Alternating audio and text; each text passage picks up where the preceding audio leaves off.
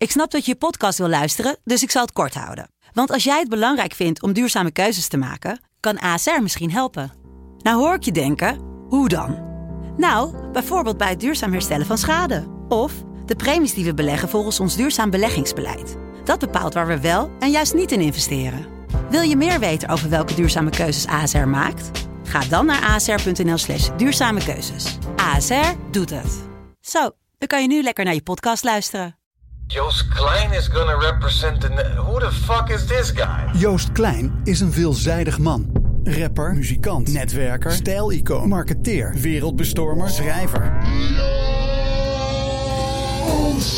In de podcast Joost Klein 12 points belichten we het fenomeen Joost aan de hand van 12 punten. Joost Klein, doe de point. Joost de Klein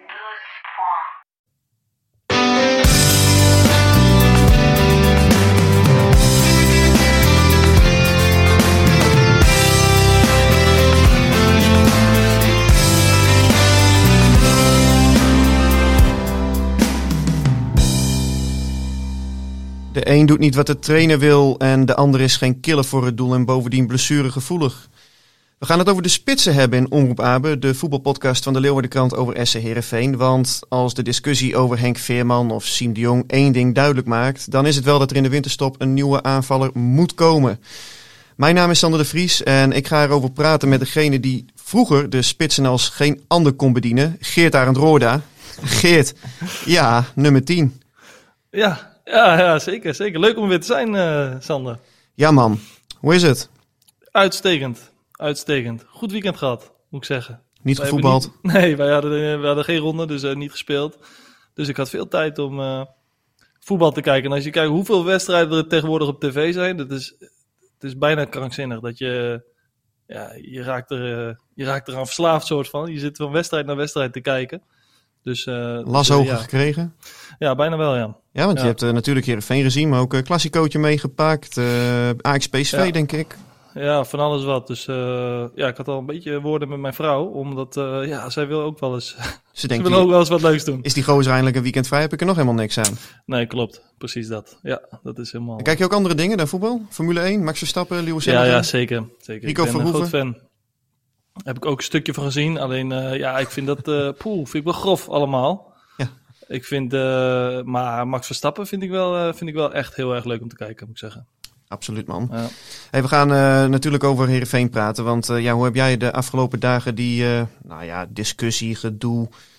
wat is het eigenlijk? Een, een klein themaatje, Henk Veerman ernaast. Er toch weer in tegen AFC Amsterdam. Maar ja, hoe, hoe heb jij het gevolgd, Geert?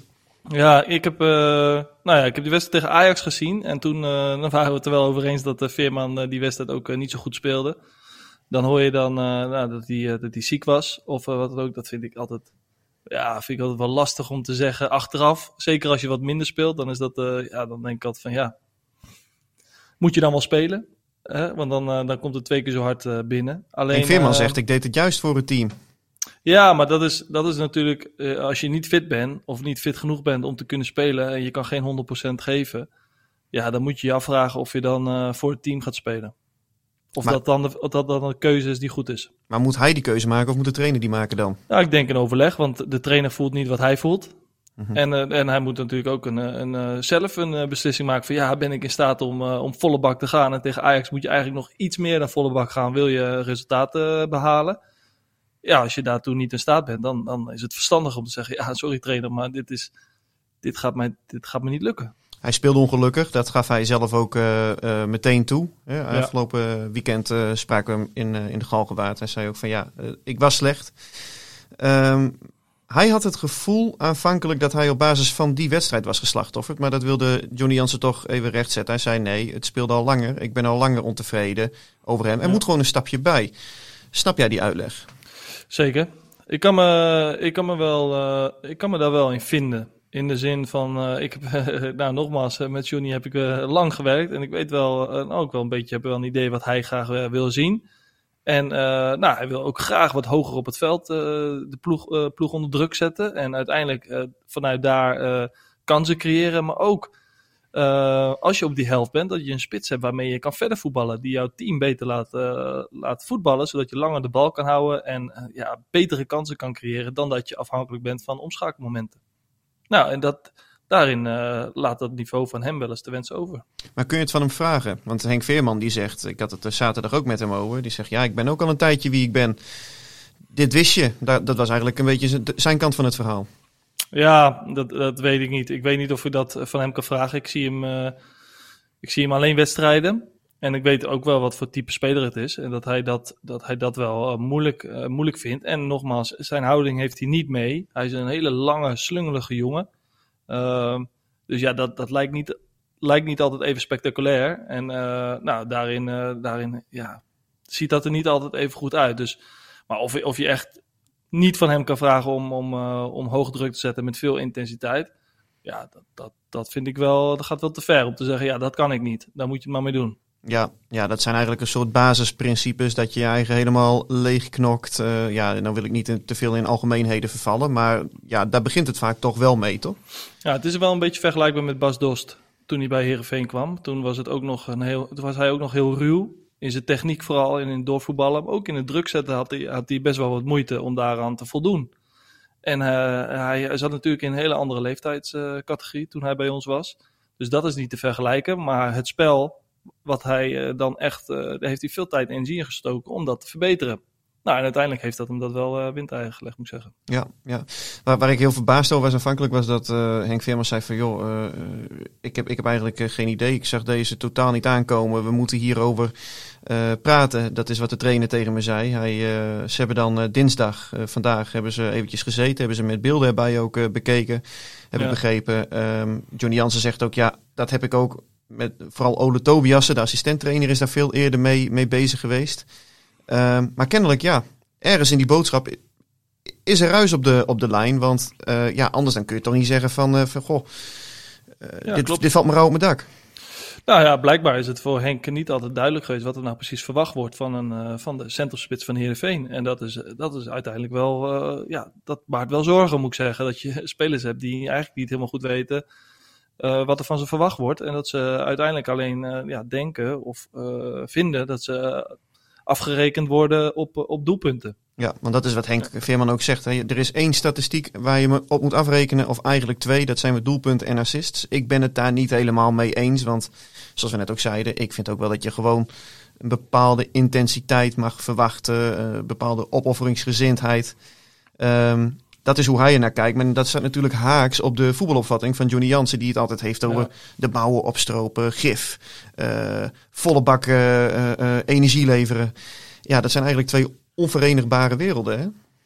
Nee, dat klopt. En, en het- dat moet je altijd natuurlijk nog wel een beetje nuanceren. Dat je niet van Henk kan verwachten dat hij eh, 90 minuten volle bak overal druk zet. En blijft druk zetten overal waar de bal verloren wordt. En eroverheen gaat en, en overlaps maakt. En eh, dat zal hij nooit doen. Alleen, ja, ik denk dat Johnny vindt dat daar nog ruimte zit voor hem. Dat hij daar nog wel wat meer in kan leveren. hij meer ook vanmiddag, kan, hoor. Kan betekenen voor de ploeg. Ja. Nou, en als dat zo is en Henk erkent dat, dan heb je in ieder geval een gesprek. En dan kan je uiteindelijk eh, je trainingen daarop aanpassen en eh, hem daarin uitdagen om die stap te zetten, zodat uiteindelijk iedereen winnaar is.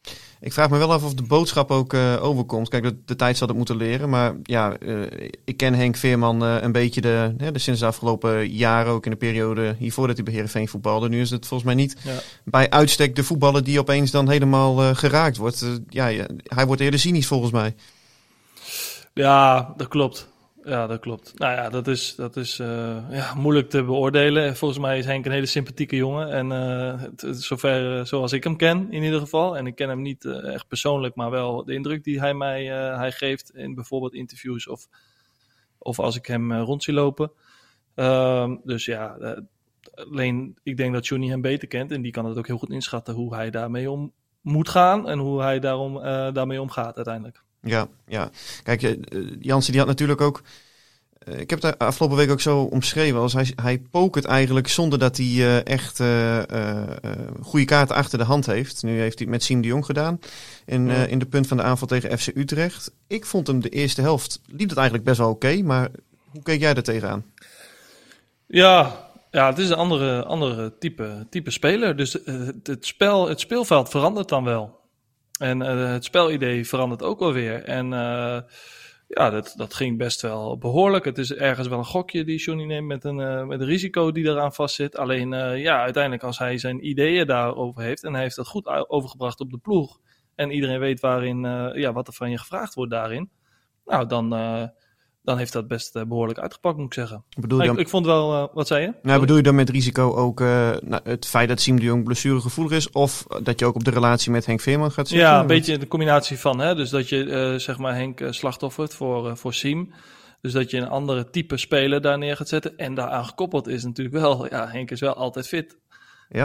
ge- gebleven. En, en ja, Siem heeft nog wel eens wat, wat fysiek ongemakken. Nou, als die na vijf minuten eruit valt, ja, dan is je plan natuurlijk ook alweer... eh ja, die, is dan, die kan je dan weggooien, want dan ga je Zeker. toch weer terugvallen op Henk, eh, Henk Veerman. eh, die dan eh, ja, toch een klein beetje eh, gefrustreerd is, denk ik. Ja, ja, kijk, die, die, die relatie tussen die twee, juist door die onverenigbare werelden, hè, waar we het net over hadden, die is eh, ja, volgens mij gewoon ook eh, niet best. Eh, dat, dat, dat ja, zijn signalen die je gewoon ook, eh, ook hoort.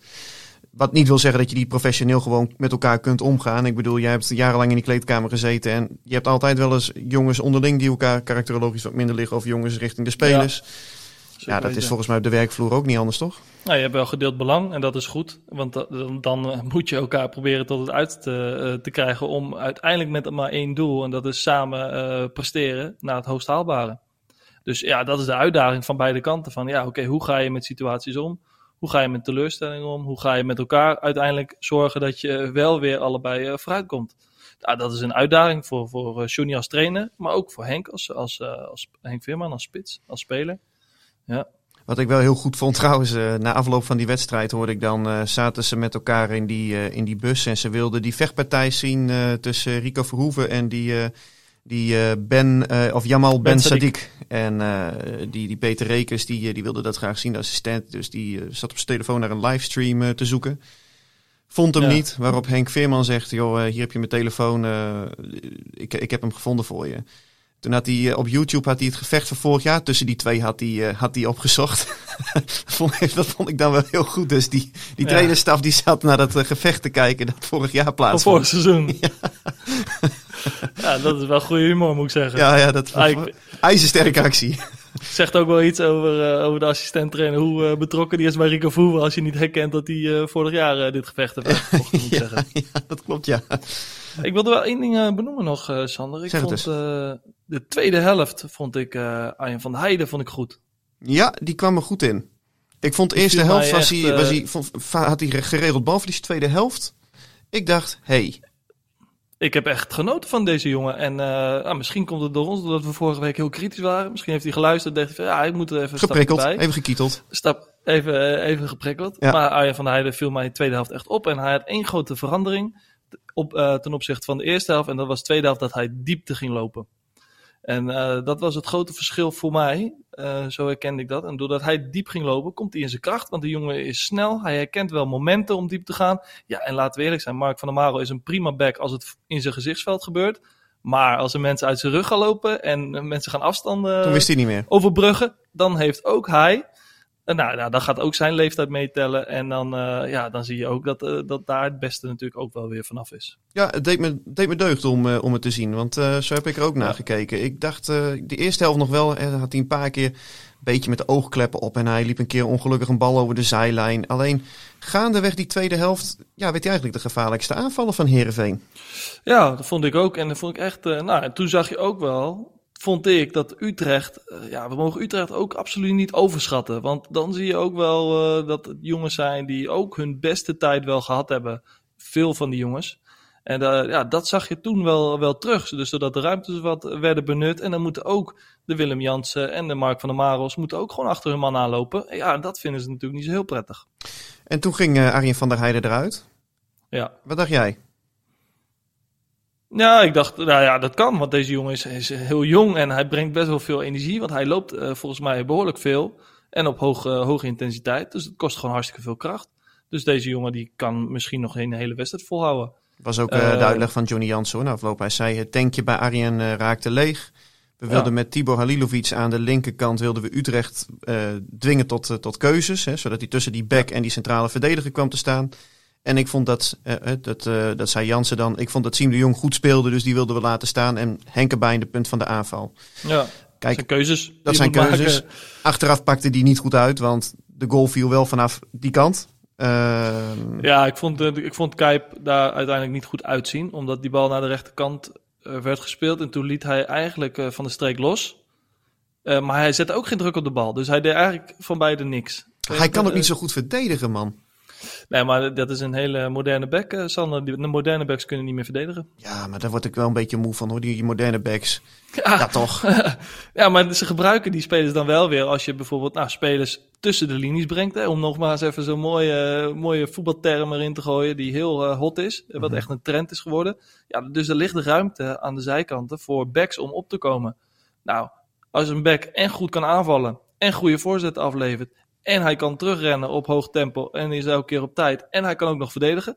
Ja, dan speel je helaas niet in de Eredivisie. Nee, dat klopt. Nee, ik, ik, Zeker niet bij Heerenveen dan. Dan kom je nog bij Ajax misschien nog. dan kom je ermee weg. Ja, precies. Ja. Hey, die, ehm, dat, die hele spitse discussie, ja, dat, dat werpt wel ehm, momenteel weer de vraag op van... Er moet iets kwalitatief uh, moet erbij. Hè? Dus ze wilden afgelopen Ja. zomer wilden ze echt al een nieuwe spits halen. ehm, eh, die dan de concurrentie met Henk Veerman aan moest gaan. Siem de Jong is eigenlijk nu een ja, soort eh, noodoplossing. Maar ja, ik heb Ferry de Haan er ook over gesproken. Heb ik ook een verhaal over in de, in de krant van, van woensdag. Van goh, hoe, hoe staat het er nu mee? En hij erkent ook van ja, dit is gewoon onze, dit is niet onze hoogste prioriteit. We zijn druk bezig met, met spelers, met hun zaakwaarnemers. Eh, scouts die, Ja. die reizen stad en land af. Ja. Eh, er moeten gewoon meer doelpunten bij. Want ja, een blik op eh, de ranglijst, 12 goals nog maar.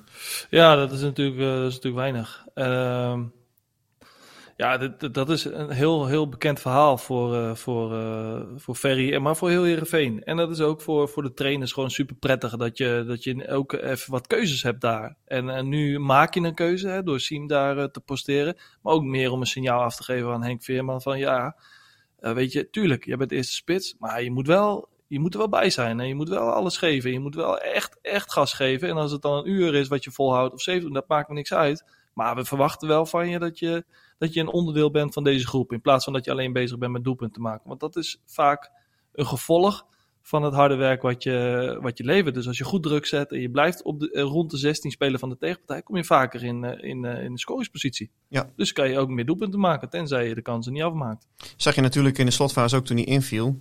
Hij mist dan die kans, maar hij staat er wel. In combinatie met Joey Veerman, die overigens ja. Ja, wat minder te spreken was ook over die wissel. Hè? Dat viel je op. Interviewtje bij E ESPN. Ja, vind ik niet, vind ik niet verstandig om, om daar wat over te zeggen. Want daar kies je toch. Ja, ik weet niet. Het gaat altijd een beetje in zijn eigen leven een beetje leiden. Zo'n eh, zo'n opmerking over eh, dat hij daar eh, verbaasd over was. En ja, ze zitten natuurlijk bij elkaar in de auto van Volendam naar Heerenveen. Dus ja, ik weet niet of dat, of dat heel verstandig is van Joey om je daar eh, over uit te, uit te wijden. Ik, als ik hem was, ik hou wel van, die, van zijn interviews, omdat hij wel zegt wat hij denkt. Het is in dit jongen. geval, ja, in dit geval denk ik van, joh, dat zijn keuzes van de trainer. En, en ja, die wordt daar ook verantwoordelijk voor gehouden uiteindelijk. Dus, dus eh, daar kan ik meer weinig over zeggen. Had ik verstandiger gevonden, eerlijk gezegd. Ja, ja. Hey, en, en al met al die wedstrijd tegen Utrecht. Ja, kun je daar nou mee verder als, als ploeg, als team? Want ik hoor best wel uiteenlopende verhalen. Ik heb mensen gesproken die zeggen van ja, ehm, aardig gevoetbald, bij Vlagen goed gecombineerd. En er zat eh, eh, veel meer in. Johnny Jansen die vond zelfs dat ze grote delen van de wedstrijd de baas waren op het veld. Nou vond ik dat wel een beetje meevallen, eerlijk gezegd. Ja, maar dan is het ook even. Dan eh, moet je natuurlijk ook wel even je referentiekader schetsen. Doordat je eh, ja, op basis van wat is dan de baas op het veld? Wat is dat voor begrip? En, eh, en hoe eh, interpreteer jij dat? En hoe interpreteert Johnny dat? Is dat dan ten opzichte van de vorige wedstrijden? Of is het in het algemeen van ja, wij waren de baas en wij bepaalden wat gebeurde op het veld? Want dan, ik denk een beetje dat daar een beetje de, de Ja, miscommunicatie Laat ik het zo zeggen. Ik, eh, eerste kwartier was overleven. Vervolgens had ik wel het idee dat ze Ja. stilaan de controle wel wat kregen over Utrecht in die eerste helft. En ja, de Ja. tweede helft ging in mijn optiek redelijk gelijk op. Waarbij Utrecht wel de beste kans had. Ja, ik, ik vond het een gelijkwaardige wedstrijd. En ik had het een punt eh, had, eh, had ge- prima geweest. En had ook gewoon had je goed kunnen verdedigen, beide kanten. Alleen, eh, ja, je speelt dan in Utrecht. Dus dat geeft dan misschien net even de doorslag waardoor zij eh, de drie punten over de streep trekken. En ik ben het met je eens. Eerste kwartier vond ik het ook heel. eh, ja, kom je echt goed weg. Onrustig. Ja, kom je goed weg. En, en daarna krijg je wel wat grip op de wedstrijd. Wat ik eigenlijk wat minder had verwacht. Omdat Heerenveen eigenlijk ook wel, ja, ook wel graag op de omschakeling wilde spelen. Hè? Met Moesaba en met, eh, met, Ja, met Arjen van der Heijden. met Arie van der Heijden. En nou, dat, dat, dat leek het spelbeeld helemaal niet te worden. Heerenveen was juist degene die, eh, die Utrecht aan het terugdringen was. En misschien vond Utrecht dat ook wel prima. Dat is ook even de vraag. Maar ook dus wat jongens die er niet bij waren. Hè, eh, opeens stond Ja. Congolo er weer in. Ja, omdat Maatsen ja. ziek was. Bakker Ja. en Dreesfiets vormden het centrum. Omdat eh, Van Beek ook eh, ziek was. Ja, ik denk dat Drezefiets het wel zwaar gaat krijgen, Sander. Denk ik ook hoor. Ik Als- vond hem niet zo, eh, ik vond het, ik vond het niet, zo, eh, niet zo goed, eerlijk gezegd. En eh, ja, Sven is op dit moment, Onomstreden. ja, lijkt me wel. Die heeft zoveel wedstrijden achter elkaar op zo'n hoog niveau verdedigd. En, en zo'n belangrijke rol binnen die groep verdient. Ja. Eh, dus ja, die is onaantastbaar. En, en die bakker, die, die staat er ook maar weer eh, de tweede wedstrijd op rij. Gewoon super steady, niks aan de hand. En alsof hij er al een eh, seizoen of drie zo, zo voetbalt. Ja, ja hij, hij valt me alles mee. Tegen Ajax was hij wel betrokken bij de beide tegengoals, vond ik. Hè, dat, dat moet dan ook gezegd. Maar al met al vind ik dat eh, ja, hij verrast me echt in positieve zin. En eh, ja, we gaan het zien. Eh, tegen AFC spelen ze ook beiden weer. Drezefiets en ehm, eh, Bakker. Omdat Sven van Beek, die zit wel bij, maar die is net hersteld van een eh, behoorlijk zware griep, heb ik begrepen. Ja, en tegen Vitesse zaterdag dan, dan zal hij ongetwijfeld gaan kiezen voor Van Beek. En dan wordt het interessant om te kijken, kiest hij dan voor Drezefiets of voor Nick Bakker? Ik ben heel benieuwd. Ja, ik denk dat, dat jij het wel weet. Bakker, toch? Lijkt me wel.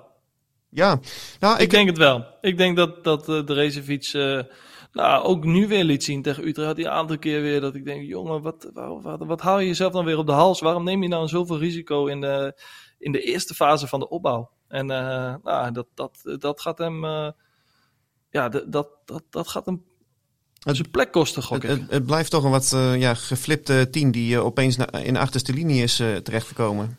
Ja, precies. Je Ja. wil graag spelers die gewoon een, een opbouw spelen om, eh, zo veilig mogelijk, zonder risico.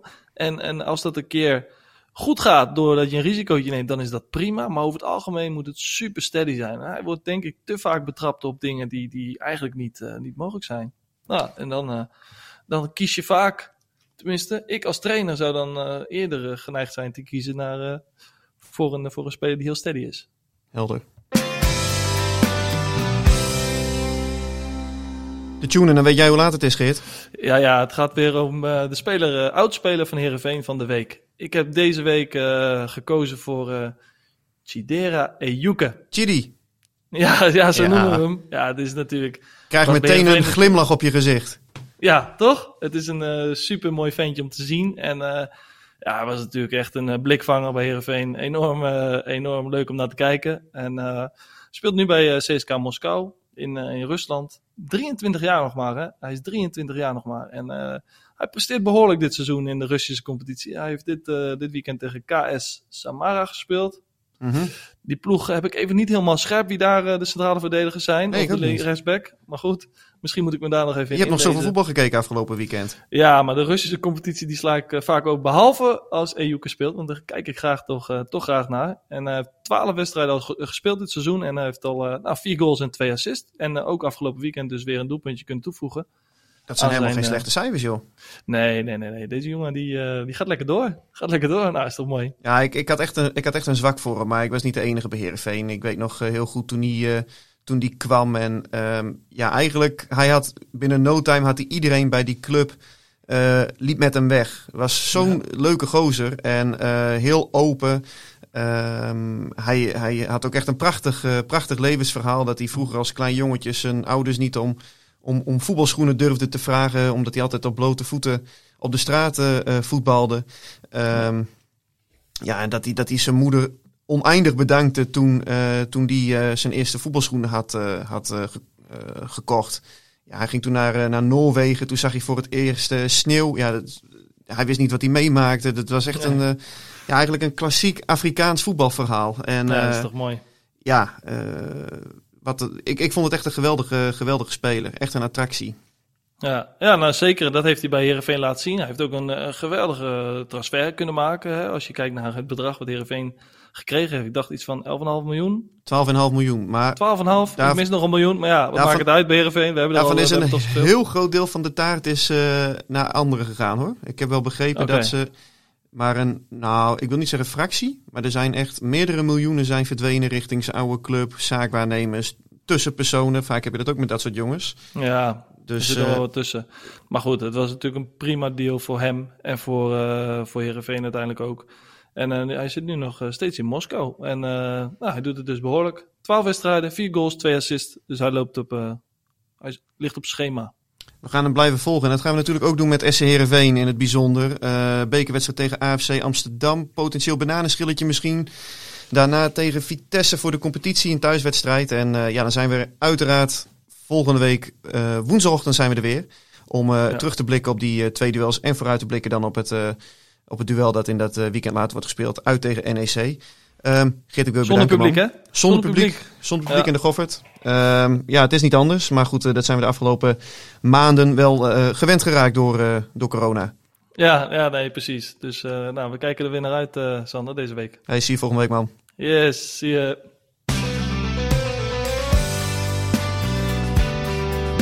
Dit was Omroep Abe, de podcast over SC Heerenveen van de Leeuwarden Courant. Omroep Abe, voor achtergronden, interviews en nieuws over SC Heerenveen. Abonneer je via jouw favoriete podcast-app.